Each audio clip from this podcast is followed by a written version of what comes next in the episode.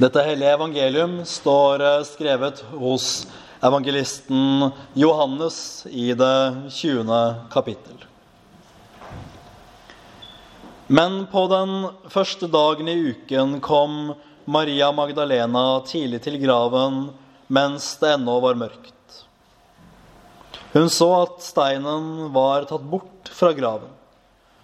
Hun løp av sted og kom til Simon Peter og til den andre disippelen, han som Jesus elsket, og sa til dem:" De har tatt Herren ut av graven, og vi vet ikke hvor de har lagt ham.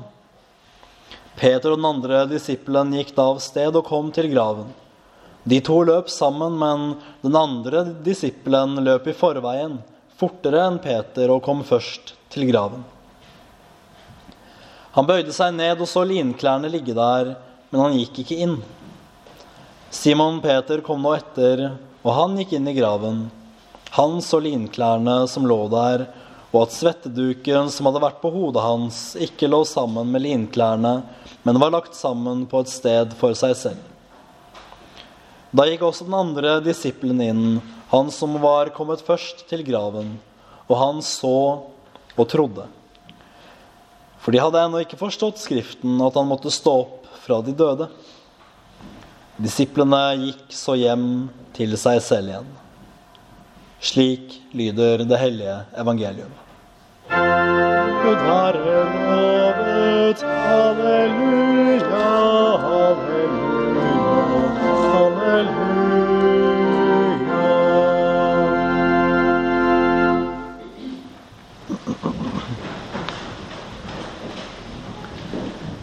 Hellige Fader, hellige oss i sannheten. Ditt ord er sannhet. Amen.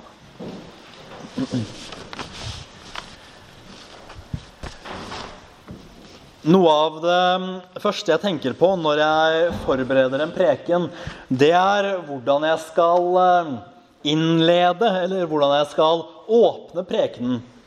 Um, og i dag så hadde jeg egentlig tenkt på om jeg bare skulle sånn ordentlig og ikke fullstendig spontant, da det hadde jo blitt eh, planlagt, bryte ut i jubel. Men så innså jeg jo at eh, det er ikke helt meg, og eh, ville kanskje fremstått som både påtatt og, og underlig. Dere som etter hvert kjenner meg, vet jo at jeg er litt, mer, litt roligere og litt mer avbalansert. Jeg kan jo for så vidt ikke huske sist jeg faktisk spontant brøt ut i en sånn ordentlig, ordentlig jubel. Men poenget med å si dette er jo at altså, er det en dag det ville vært naturlig å bryte ut i jubel fra prekestolen, så er det jo i dag. Nå er det jo sånn rent teknisk sett andre påskedag, men eh, vi forholder oss jo til eh, tekstene fra første påskedag. Så for oss her i Råttsund i dag så er det første påskedag. Det er festdagen for vår Herres oppstandelse. Og hvis det ikke er en jubelens dag, så vet ikke jeg om noen annen jubelens dag. For la det herske liten tvil om dette, at det her er den aller største gledens dag som noensinne har eksistert. Da påskemorgen opprant for 2000 år siden, så var det en himmel og en jord som jublet ut samstemt i et eh, halleluja eller i et hosianna eller i et annet gledesrop. Hvorfor? Jo, fordi han man trodde var død, lever. Gravens mørke er knust. Vår Herre Jesus Kristus har en gang for alle seiret på alle måter.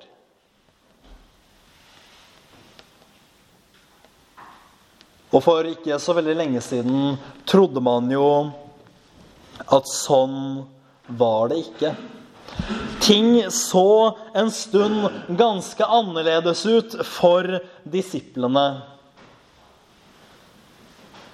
For hva var det som hadde skjedd etter deres øyne og etter verdens forstand? Jo, det var jo at Jesus var død.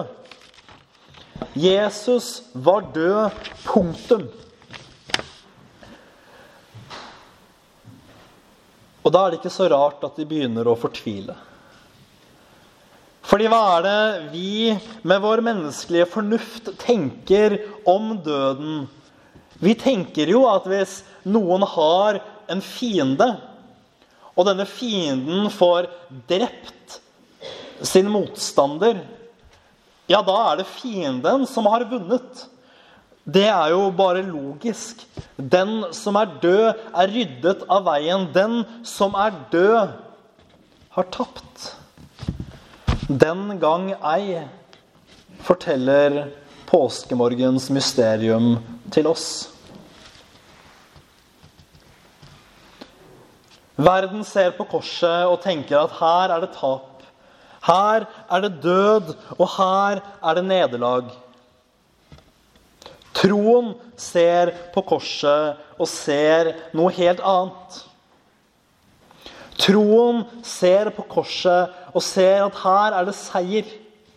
Her er det liv. Og her er det glede. Det kan være vanskelig i en eh, tid som vi lever i også i dag og klamre oss fast til vissheten om denne seier som Kristus vant for oss. Det kan være vanskelig. Fordi hva er vel verden annet enn fylt av tilsynelatende nederlag, fylt av sorg og av død og av tap? Og Hvordan kan vi da klamre oss fast til at korsets lys, det skinner i verdens mørke, når verden er så svart som den aldri har vært før?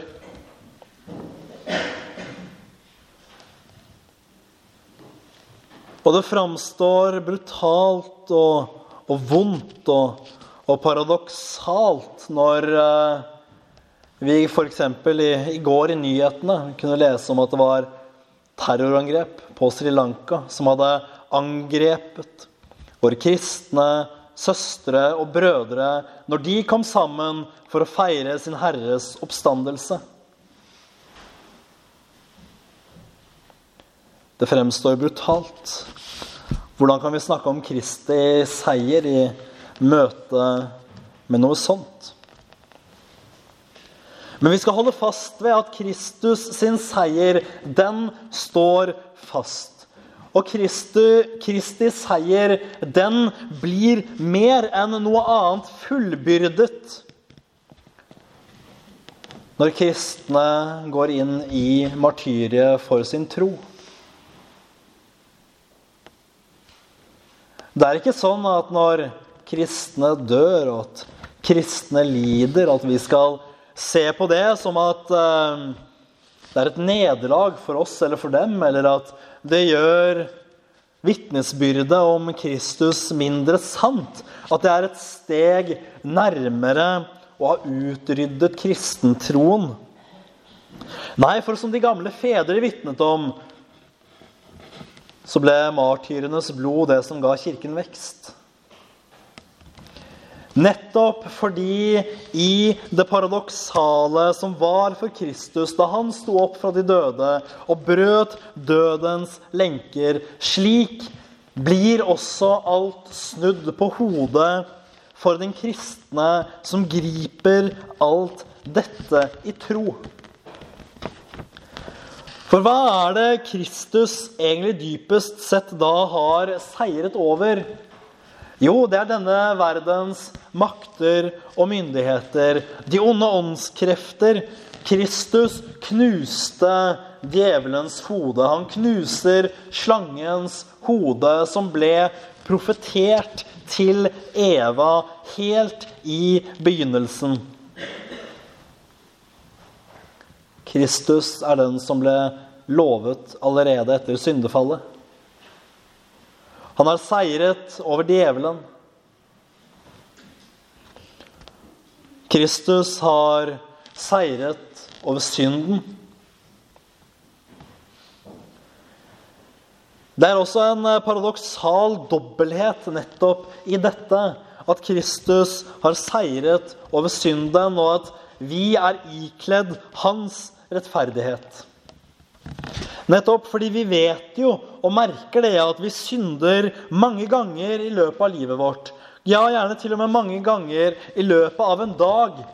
Så bryter vi Guds bud og følger heller, og følger heller vår egen vilje enn hans. Men Kristus har seiret over synden. Og Kristus har like fullt seiret over døden.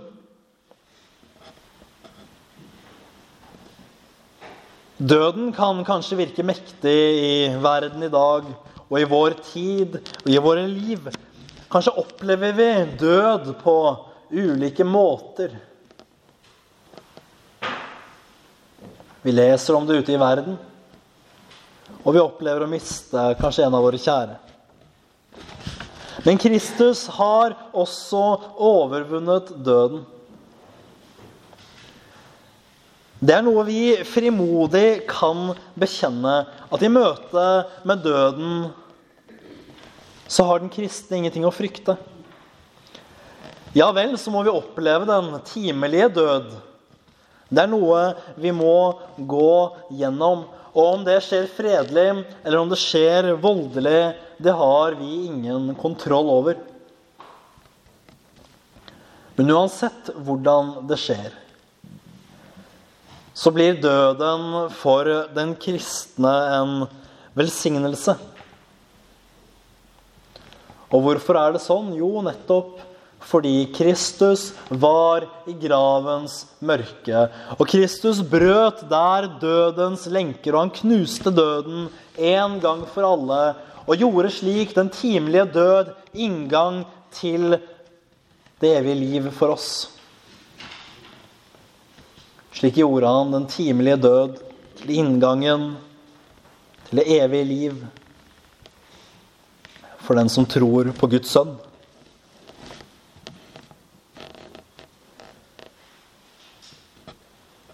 Men midt i denne gleden som vi i dag opplever over Jesu oppstandelse Og dette er en glede som vi skulle minne oss selv på hver dag.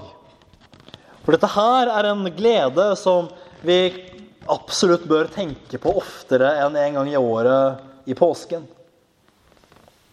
For dette er en oppstandelsesglede som hele vår tro og hele vårt liv skulle avhenge av, fordi det er nettopp det den gjør.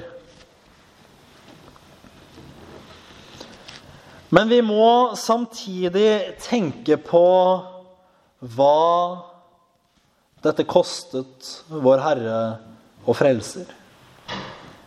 Vi må huske på hva dette kostet Jesus. For vi kan ikke se påskedagens oppstandelsesglede atskilt fra skjærtorsdags svik eller fra langfredags mørke.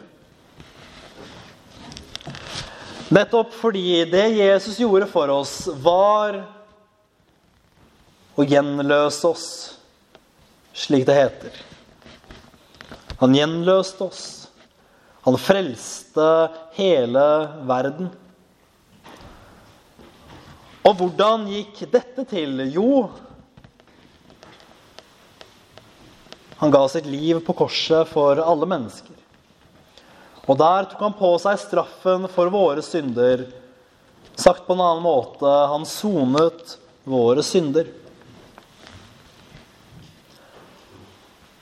Og der blir det nok et paradoks som kommer inn. Fordi korset for den kristne skal heller ikke bare være et nederlag. Jeg har noen ganger hatt lett for å tenke at korset ja, korset er bare lyst og vakkert. i møte med påskedagens oppstandelse. Men sånn er det på mange måter ikke. Nettopp fordi det er på korset at Jesus tar på seg all verdens synd. Det er der han går inn som Guds perfekte, feilfrie offerlam og tar på seg alle våre synder. Og Det er der han soner dem, og det er der han tar straffen for dem. Korset er vakkert. Korset gir oss liv i seg selv. Og det er det som er det vakkert paradoksale imot denne verdens fornuft.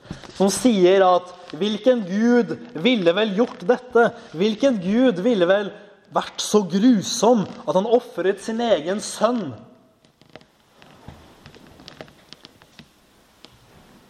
Fordi hans skapning hadde vært ulydige. Det er da vi frimodig kan bekjenne at jo, det her er vår Gud som gjør dette. Ikke fordi han er grusom. Vi tror ikke på en grusom Gud. Men vi tror på en Gud som i alt er kjærlighet. Vi tror på en Gud som i alt er nådig. Som ikke ville la oss forgå i mørket, som ikke ville styrte oss ned til helvetes avgrunn, men som heller ville løfte oss opp. Som ville gi oss en utvei, som ville gi oss Jesus Kristus.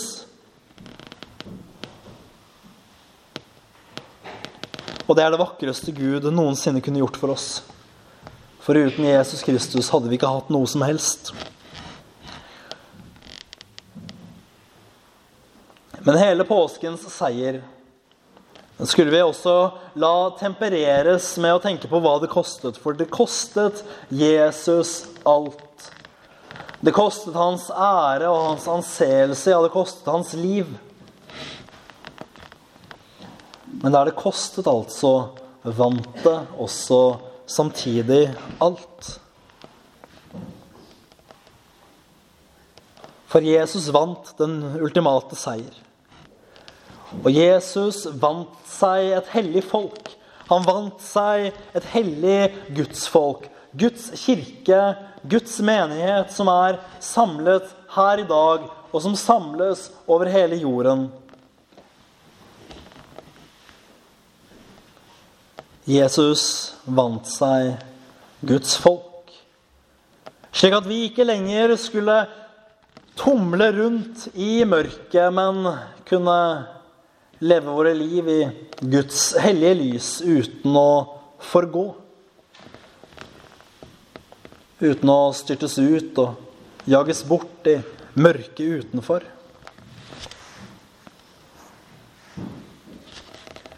Da står dette igjen som det jeg helt frimodig kan kalle historiens viktigste hendelse.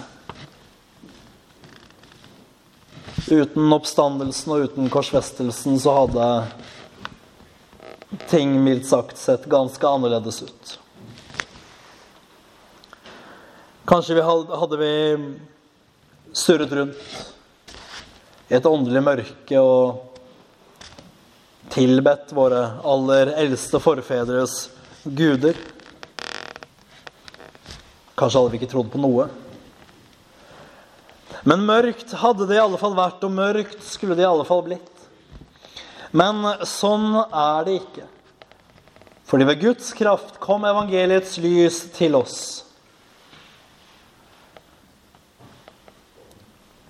Og ved Guds hellige ånd har Han gitt oss den tro i våre hjerter at Kristus i sannhet er Guds sønn. Og dette er viktig fordi troen på korsfestelsen og troen på oppstandelsen som rent historiske størrelser bærer ingen salighet i seg. Om jeg tror at Jesus levde, så bærer det ingen salighet i seg. Samtidig så må det jo sies at en avvisning av oppstandelsens historiske realitet vil måtte avvises som noe som eh, ikke er rett lære ifølge Skriften.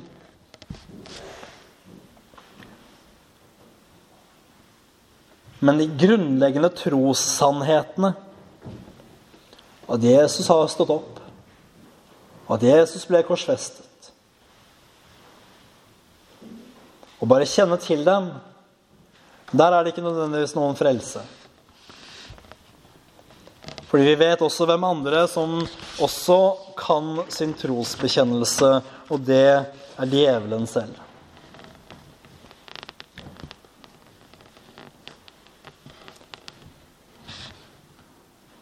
Da kan man spørre seg hvor ligger da saligheten?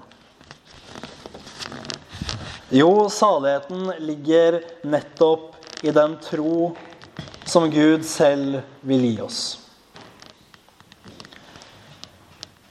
Denne vissheten om at ja vel, kanskje døde Jesus for all verden.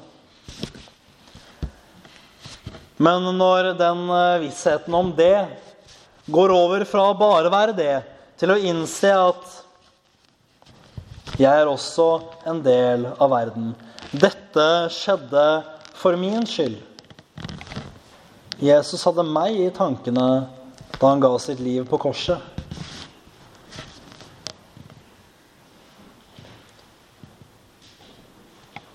Der ligger frelsen. Der ligger saligheten. Fordi Jesus har betalt den ytterste pris. Han har vunnet alt for oss. Han har vunnet for oss syndenes forlatelse. Han har vunnet for oss det evige liv. Han har vunnet for oss fred. Han har vunnet for oss rettferdighet i Guds øyne. Og dette er noe han gjorde for alle mennesker. Men å bare være et menneske er ikke nok til å få del i dette. Det er det troen handler om. Å erverve og få del i det Jesus vant for oss. Så er det i troen det er evig liv. Så er det i troen og omvendelsen det er synsforlatelse.